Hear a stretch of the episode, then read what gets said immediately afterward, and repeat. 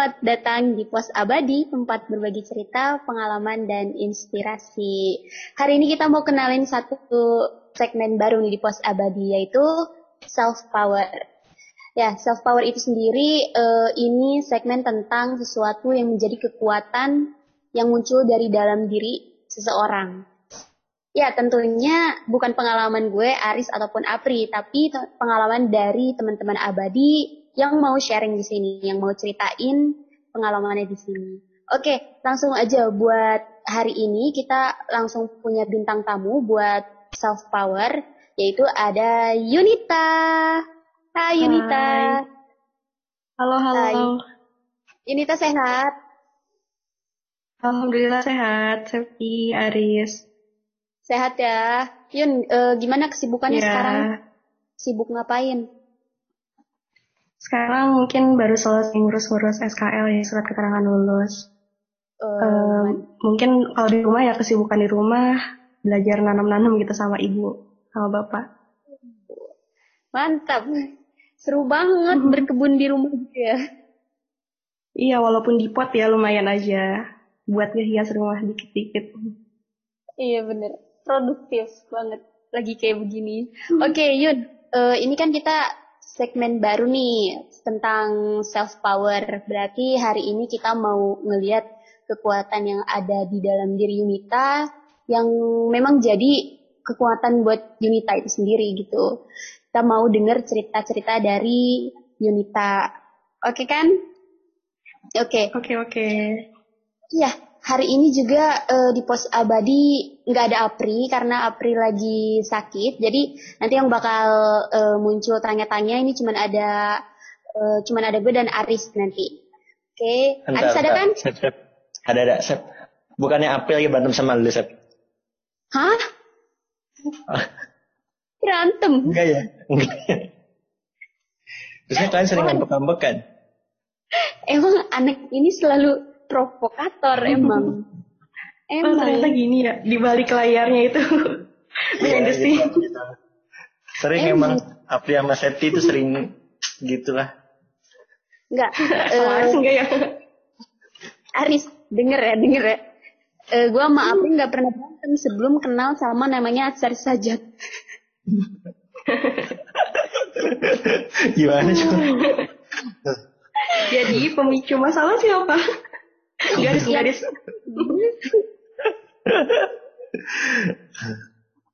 ada nah ya jadi cuman ada uh, si Aris aja nih yang bakal bantu tanya-tanya buat cari self power dari seorang Yunita. Oke okay.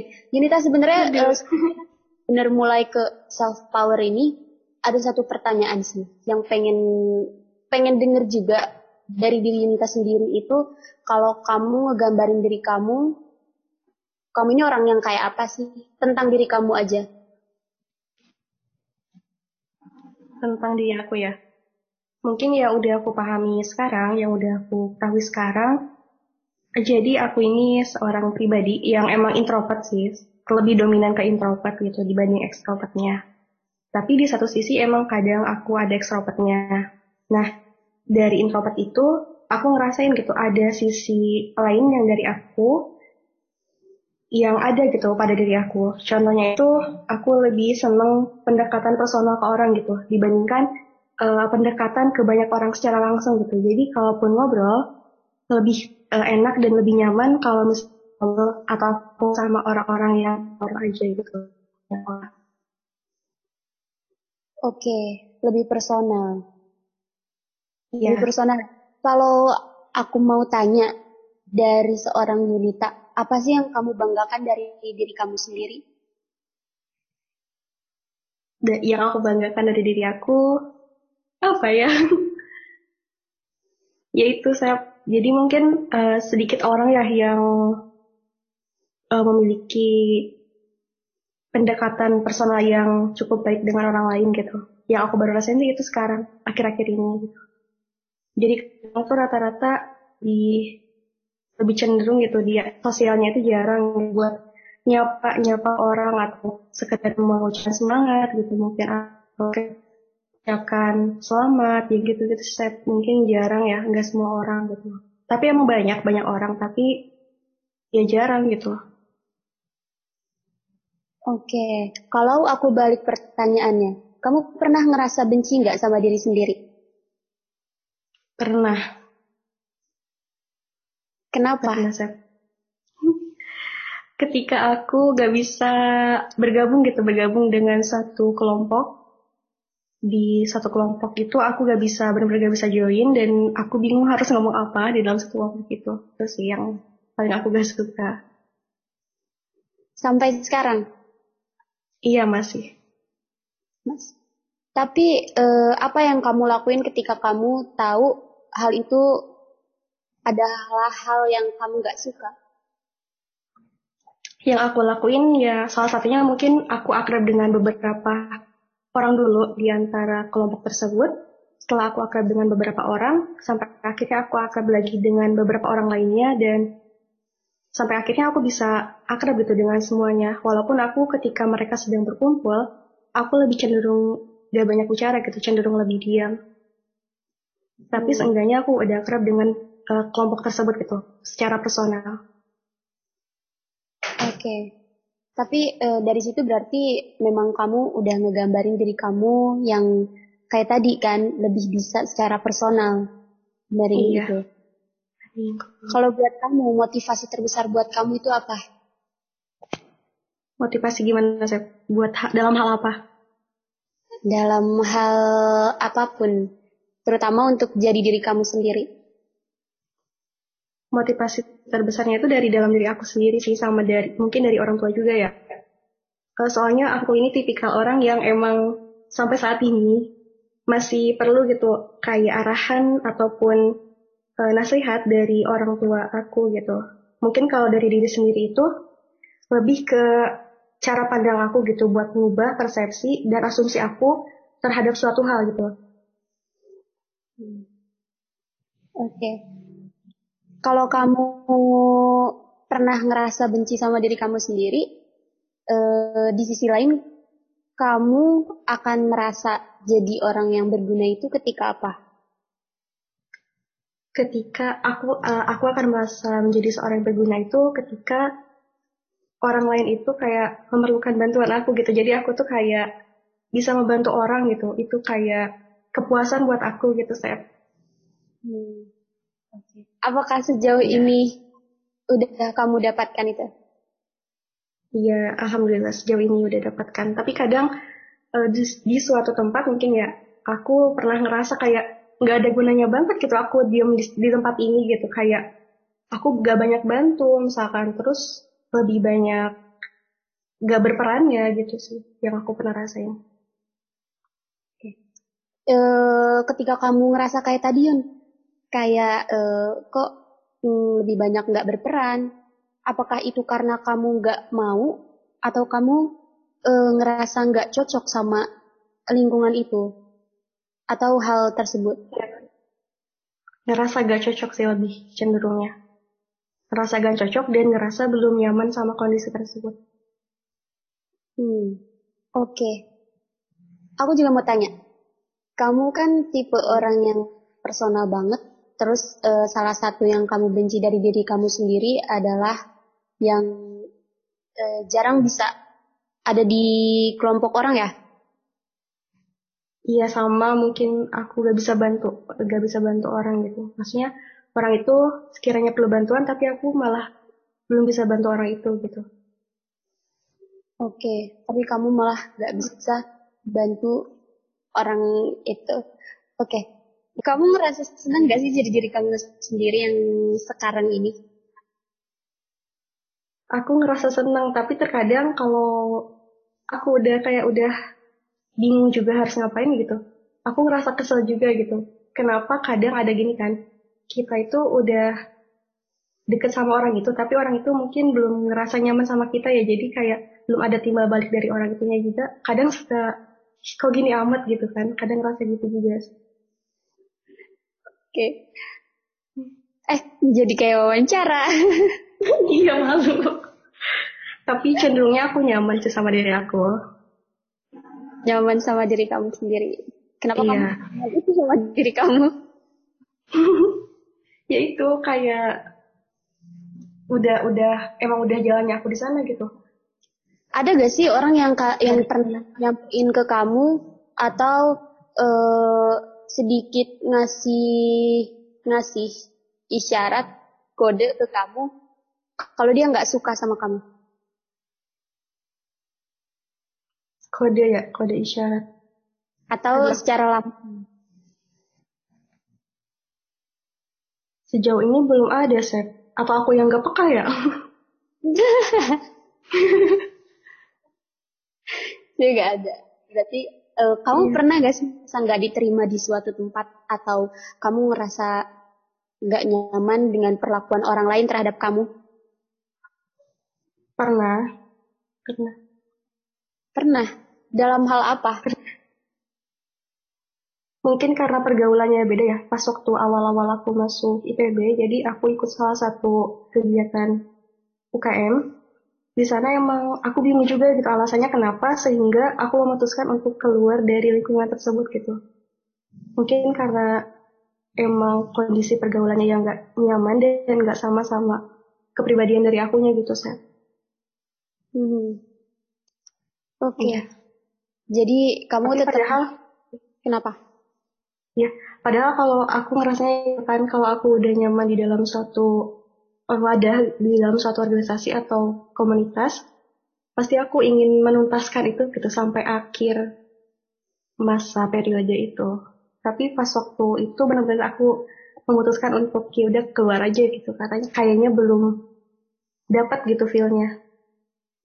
Hmm. Oke. Okay. Aris. Oke. Okay. Aris. Baik, apa tuh? Mau udah mau nanya ke Yunita nih.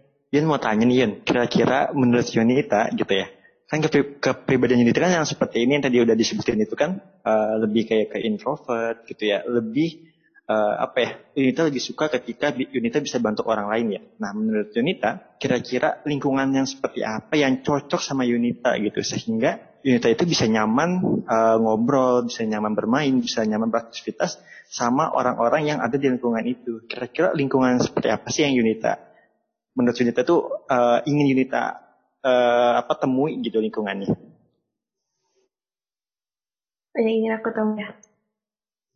Kira-kira apa Yun? Nah, sejauh ini lingkungan yang aku merocok di sana gitu dan aku merasa nyaman di sana mungkin di dalam suatu komunitas atau di dalam, di dalam suatu lembaga gitu yang di sana itu bergerak di bidang sosial, di bidang sosial sehingga keberperanan aku itu benar-benar kerasa dan benar-benar dirasain sama yang apa ya sasaran tujuan dari program yang dilaksanakan sama komunitas atau organisasi tersebut gitu. Itu yang pertama. Mungkin untuk yang kedua, untuk tipikal pertemanan ya. Tipikal pertemanan itu cenderung lebih ke pertemanan yang sama-sama dari kelompok introvert gitu. Tapi emang kadang kita juga dari dari, dari golongan introvert ini emang membutuhkan gitu figur seorang ekstrovert yang emang bisa memacu kita gitu untuk bisa go publik gitu. Maksudnya bisa go publik itu bisa diterima juga di dunia luar gitu selain uh, orang-orang introvert itu. Apakah Yunita sudah menemukan lingkungan itu? Uh, Alhamdulillah sudah akhir-akhir ini. Akhir-akhir ini berarti sebelum akhir-akhir ini iya. belum berarti ya? Iya, tapi sebelumnya juga udah merasakan di yang sekarang alhamdulillah ya nyaman. Oh. Walaupun Ketika walaupun pasti ada aja gak sih? Gak ny sisi gak nyamannya pasti pasti ada aja.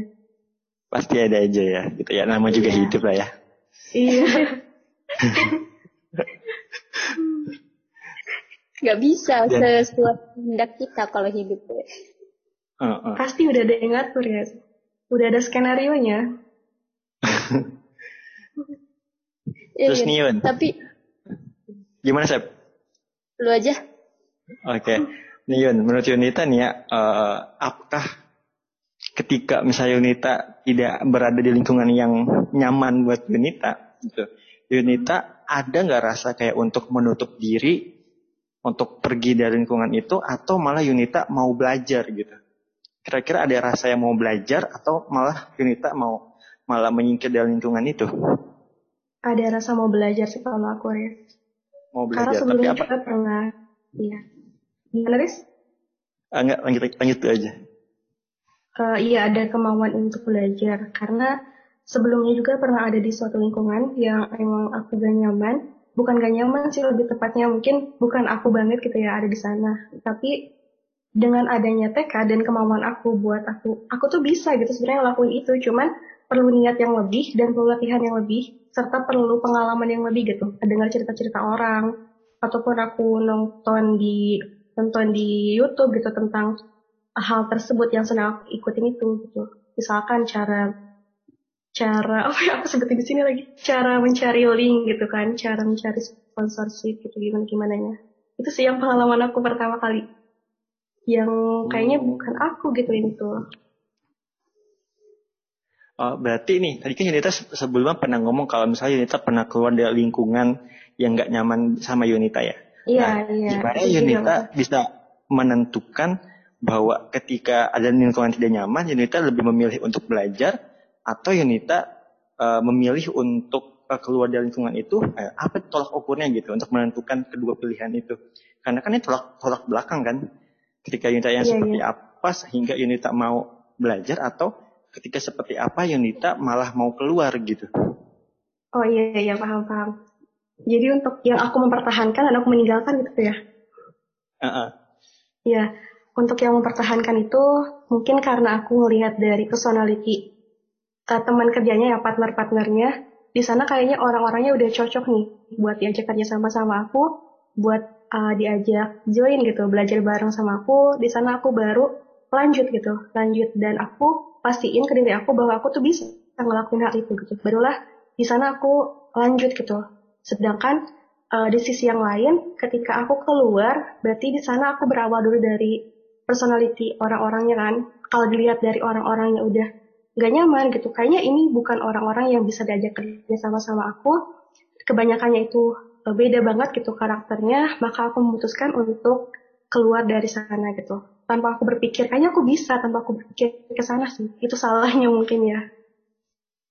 Oh berarti Edita lebih ke orang yang melihat orang-orang lain seperti apa gitu kan? Itu nantinya akan mempengaruhi Yunita kan?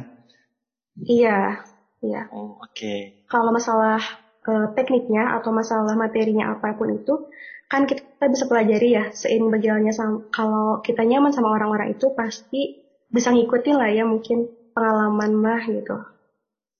Oke. Gimana nih Sep? Uh, eh, gue ada pertanyaan super nih buat Yunita.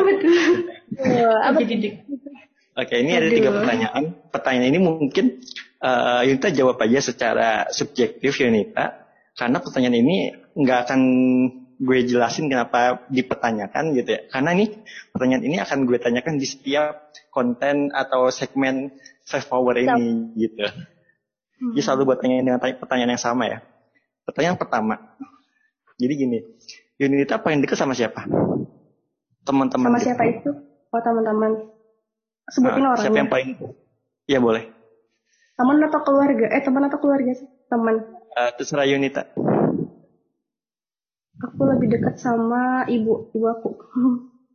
Oke, misalnya nih ya, Yunita sama ibunya Yunita lagi mau liburan. Hmm liburan nah itu yeah. ke pulau. Oke. Ketika yeah. Yunita mau ke pulau, artinya Yunita harus sewa kapal dan nahkodanya, betul? Iya. Oke. Nah, akhirnya Yunita tuh nyewa kapal dan nahkodanya, terus Yunita naik kapal hmm. itu. Di tengah perjalanan, di tengah perjalanan, di tengah laut-laut, gitu ya. Si nahkodanya itu kena serangan jantung. Ya. Pertanyaannya adalah, Yunita lebih memilih memegang kemudi kapal dan meminta Ibu Yunita untuk uh, ngurusin nakodanya atau sebaliknya Yunita memilih untuk mengurus nakodanya dan meminta Ibu Yunita untuk mengendarai kapal. Pilihan mana yang Yunita pilih? Aku kalau aku pribadi tuh uh, lebih milih jadi nakodanya dan ibu aku apa membantu yang awak kapalnya itu. Gimana gimana? Yunita lebih memilih? yang jadi nakodanya. Jadi aku mengendarai mengemudi mengemudikan kapalnya, sedangkan ibu aku membantu nakodanya. Maksudnya kalau dia sakit gimana ya gitu ya sama ibu aku. Eh, alasannya? Alasannya kalau misalkan ibu aku dijadiin kodenya gitu kan. Soalnya kan aku tuh masih belum berpengalaman gitu buat eh bentar aku bertanya nggak bingung. Iya iya aku paham aku paham aku paham. Uh, Terus kami kok ada yang gitu. aku lebih milih nakoda sih ya. Alasannya supaya susah ya susah ya susahnya susah ya. Santai santai susah tuh alasannya nyari alasannya sebenarnya tahu. Tapi gimana cara ngomongnya? Kenapa tuh? Kenapa ya? Kenapa Yunita kenapa Yunita merasa bisa mengendalikan kapal itu dan kenapa Yunita berpikir bahwa Ibu Yunita lebih cocok mengurus nakodanya? Kenapa tuh Yun? Iya ya. Menjebak ya. Gak ada iya. Nah ini gimana Yun? Berasa pengen menjawab. iya, ada siapa ini. Soalnya aku salah langkah dikit udah aja. Enggak enggak ini ini subjektif ya, subjektif. Kan, Jadi ketika Yunita jawab keduanya tuh nggak ada yang salah dan nggak ada yang iya. benar juga. Mengobati maksudnya membantu kodenya gitu. Soalnya kalau aku jadi kodenya gimana jawabannya? Benar kata Aris. Iya jadi benar kata Aris tadi kan. Jadi sebenarnya dua-duanya juga bisa jadi nahkoda dan juga dua-duanya bisa jadi yang membantu si nahkoda itu untuk menyelesai untuk mengobati nahkoda itu. Pertama, kalau misalkan ibu aku yang jadi nahkoda, mungkin uh, kalau misalkan eh pertama kalau misalkan aku yang jadi nahkoda, mungkin uh, ibu aku juga turut membantu aku gitu dari belakang dari belakang layar sana gitu. Sedangkan kalau ibu yang jadi nahkoda, mungkin kecenderungannya itu aku lebih fokus untuk mengobati nakoda sedangkan ibu aku tuh ya udah udah tahu kendalinya ke mana gitu harus ke mana. Aku sih mikirnya ke sana oke lanjut nih ke pertanyaan kedua. Pertanyaannya susah nomor dua tadi perasaan ada nah, pertanyaan kedua wow pertama ini pertanyaan pertama kan wow. ada studi kasus kan studi kasus studi kasus oke okay. pertanyaan kedua nih ya nih gini Yunita uh, bertiga sama teman Yunita masuk ke dalam hutan malam-malam. Uh-uh. Ya. Uh-uh. Terus di tengah-tengah hutan Yunita ketemu macan. Dikejar sama macan tuh teman uh, Yunita sama sama bertiga teman Yunita itu kan. Setelah itu karena di, uh, dikejar macan panik dong. Akhirnya Yunita lari nggak tahu entah ke mana sampai Yunita tersesat. Pertanyaannya adalah kira-kira ketika Yunita tersesat barang-barang apa yang yang Yunita sekiranya butuhkan gitu di dalam hutan malam hari? Menurut Yunita. Di dalam hutan malam hari. Center. Terus? Habis center, mungkin kalau kalau di hutan tuh kan malam hari, kondisinya jaringan di HP takutnya jelek. Yang aku butuhkan pertama, yang aku butuhkan berarti kompas ya, kompas. Kompas. Uh, terus? Habis kompas, aku butuh juga kekuatan doa. Kekuatan doa. Terus kompas doa center um, mungkin itu ya kayak ranting-ranting sama daun-daun gitu sebagai jejak aku tuh udah lewat jalur mana aja gitu setelah itu okay. pas ngelewatin sana tuh gitu. terus ada lagi nggak terus tersesat malam-malam di dalam hutan. Belum ada sekarang. Di dalam hutan, hutan yang ada macannya berarti. Iya. iya. Yang ada macannya. Jaring, jaring. Iya. Aku butuh tapi nggak mungkin juga. Nggak mungkin juga. Itu udah. Sajadah buat sholat tenang. Oh, iya. Oke, oke. Selamat ya. Iya. Oke, ini lanjut ke pertanyaan ketiga ya. Langsung, langsung ke pertanyaan ketiga ya. Iya. Oke nih. Iya. Unita nih Yun. Unita itu misalnya Unita dapat pekerjaan. Nah sini Unita harus bekerja di sebuah gedung misalnya. Mm-hmm. Kemudian Yunita datang tuh ke, ke gedung itu, cukup cukup cukup cukup datang kan, habis datang ternyata ada sebuah peraturan di situ uh, tertulis tolong lepas sepatu ketika mau masuk gedung itu. Akhirnya Yunita uh, lepas sepatu, terus Yunita masuk ke, ke dalam gedung. Kerjalah. Ketika Yunita mau pulang kerja, pas Yunita ngambil sepatu Yunita dan Yunita pakai sepatu Yunita, Yunita ngerasa kayak ini uh, sepatu Yunita kayak sama bentuknya. Tapi kok rasanya beda ya? Jangan-jangan ini sepatu orang. Yunita mikir begitu kan? Terus Yunita hmm. lihat uh, kita Yunita, ternyata ada orang yang pakai sepatu yang sama dengan Yunita, yang menurut Yunita itu sepatunya Yunita, gitu kan. Pertanyaannya adalah gini, nah, apakah Yunita uh, akan negor orang itu bahwa, eh itu kayak sepatu saya, ini sepatu kamu ketukar, atau Yunita lebih memilih untuk diam aja, gitu ya? Karena Yunita ngerasa bahwa ini sepatunya sama, harganya sama, mereknya sama, dan tidak ada rugi dan untungnya ketika bisa ketukar atau yang atau uh, ngerasa kayak ah nggak usah lah nggak usah di itu kan nggak ada nggak ada ruginya gitu. Unita lebih memilih untuk negor itu atau membiarkan uh, orang itu pakai sepatu Unita kira-kira Unita pilih yang mana? Pertama kita kan pas masuk itu harus ingat dulu ya posisi sepatu kita di mana di letaknya kedengeran nggak kedengeran kedengeran Ya, pertama kita harus tahu dulu posisi sepatu kita itu diletakin di mana gitu. Harus inget, inget kan ya kalau kita letakin di mana di mananya sepatu kita ya, gitu. Ya. Setelah itu pas kita keluar tiba-tiba posisinya itu udah berubah gitu, bukan yang di tempat asalnya. Kalaupun kalaupun bukan di tempat asalnya, misalkan berubah gitu. Berarti kan kita bingung ya nyari dulu di mana sepatu saya misalkan gitu kan. Pas dicek itu udah gak ada di tempat yang tadi aku letakin. Uh, terus kan bingung ya pas aku cek keliling gedung itu ternyata ketemu sama sepatu yang hampir sama dengan sepatu aku gitu.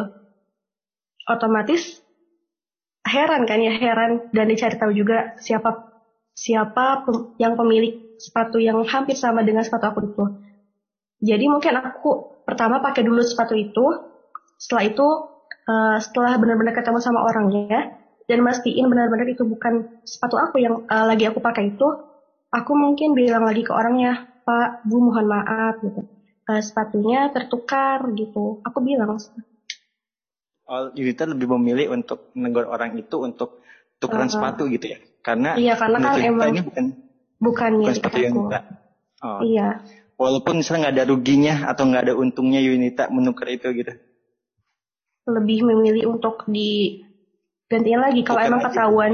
Iya kalau emang ketahuan siapa yang ketukarnya sama siapa ketukarnya aku lebih memilih untuk nanya ke orangnya langsung gitu. Hmm. Kalau misalkan gak ketahuan ya beda lagi kasusnya mungkin ya udah pakai aja gitu. Oh oke. Okay. Tapi kalau ya. ada orangnya tetap Yunita mau tuker aja gitu ya? Iya dit ditanya aja dulu, ditanya dulu aja. Takutnya emang aku yang salah kan. Oh, oh, betul. Oke, berarti pertanyaan super dari gue udah dijawab semua sama Yunita. Selanjutnya, Septi. super banget, Aris. Yang pertama tuh sebenarnya. Saya pun penasaran jawabannya apa artinya. uh, ya, saya tidak akan men, tidak akan menjelaskan jawabannya gitu ya, karena ya nanti akan saya tanyakan ke narasumber berikutnya. Indah, jadi menjawab gitu. Oke, oke Yunita. Uh, lagi tentang Yunita tadi, walaupun kita nggak tahu, udahlah ya. Pertanyaan tadi biar Aris yang yang tahu artinya apa. Balik lagi ke Yunita lagi. Uh, dari sisi kamu, yang kamu bilang kamu punya kelebihan, terus uh, ada juga kelemahan, dan kamu tahu kan kalau kelemahan kamu kayak gimana, kelebihan kamu kayak gimana. Kalau ada orang yang memang punya kelemahan kayak kamu, sama kayak kamu, kamu mau bilang apa sama mereka? Yang aku sampaikan untuk teman-teman yang memiliki kekurangan dan juga kepentingan yang hampir sama dengan saya, Yunita, mungkin yuk kita bareng-bareng, bareng-bareng kreativiti dengan lingkungan yang sedang kita tempatin saat ini gitu. Kita lebih ekstra untuk memiliki kemampuan ada lebih yang lebih tinggi gitu dibandingkan teman-teman yang emang memiliki kelebihan di atas gitu. Itu pertama. Yang kedua mungkin kita perlu mengubah cara pandang kita terhadap suatu keadaan itu sehingga berdampak pada pola pikir kita yang lebih positif aja gitu dalam menjalankan hal tersebut gitu. Jadi lebih mengubah ke cara pandang dan memiliki kemampuan yang lebih adaptif lagi. Oke. Okay. Oke, okay. sebelum segmen ini berakhir, aku mau Yunita menggambarkan satu kata positif buat diri kamu sendiri. Apa tuh? Yang paling positif. Yang paling positif. Adaptability. Adaptability. Wow. ya, berusaha buat jadi adaptability soalnya. Oke. Okay. Oke. Okay. Jadi dan itu yang jadi self power dari Yunita? Iya, itu. Oke. Okay. Oke. Okay. Gimana, Riz? Berat juga ya apa adaptability. Oh, gila gila gila. Iya, itu harus harus banget harus banget bisa aku lakukan betul, betul. dan aku lalui. Iya sih, emang makhluk hidup kan emang harus beradaptasi terhadap lingkungan ya nggak sih ya? Betul. Kalau, ya, harus banget gitu sih betul mantep mantep oke okay. oke okay.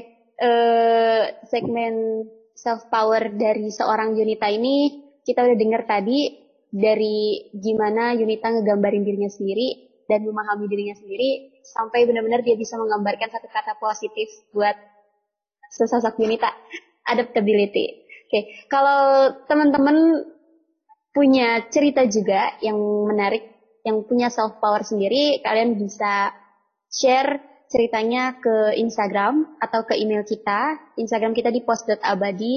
Kalian uh, boleh DM kita buat kasih saran atau apa pun buat ceritain tentang itu.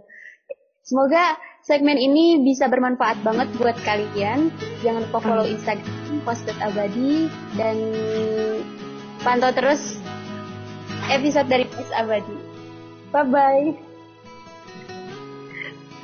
Kok closingnya